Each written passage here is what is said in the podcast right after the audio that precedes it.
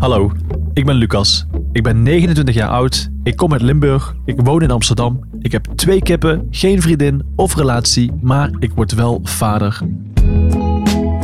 En de moeder, die ken ik eigenlijk niet zo goed. Dit is Rosa. Rosa is niet de moeder van het kind. Zij is redacteur en samen maken we deze podcast. We zijn toen om de twee dagen hebben we volgens mij afgesproken toen. Eh, ik sliep soms slecht. Ja, ik dacht eigenlijk elk moment van de dag over na. En ik kon er nog niet echt met mensen over praten. Omdat ik dacht, zometeen is het opgelost. En dan kan ik er daarna over praten, want dit heeft zich afgespeeld. Ik wilde ook niet echt dat mensen ermee gingen bemoeien of zo. Ik dacht, dit los ik zelf op. Vertel eens even, hoe heb je haar ontmoet? De avond dat we elkaar ontmoetten, ehm, dat was een vrijdagavond. Ik was die avond eh, alleen thuis, maar op een gegeven moment besloot ik toch om uit te gaan. Daar op de dansvloer zag ik haar. Een Nederlands-Marokkaanse Amsterdamse met een grote bos zwarte krullen. Ze danste grappig, een beetje los, funky.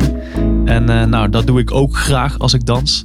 En toen raakte je met elkaar in gesprek, dansend. Ja, we raakten met elkaar in gesprek en toen kwam ik erachter dat ze heel grappig is. Vanaf toen hebben we elkaar een, eh, een paar keer gezien en soms sliepen we dan samen.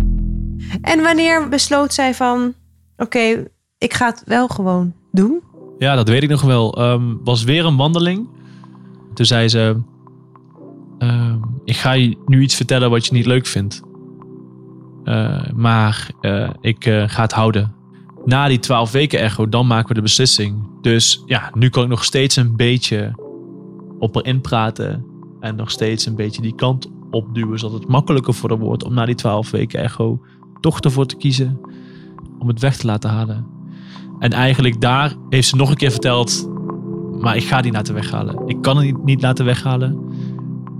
Eh, dus beter ga je er maar over nadenken wat jouw rol wordt. In plaats van dat je me gaat proberen te overtuigen elke keer.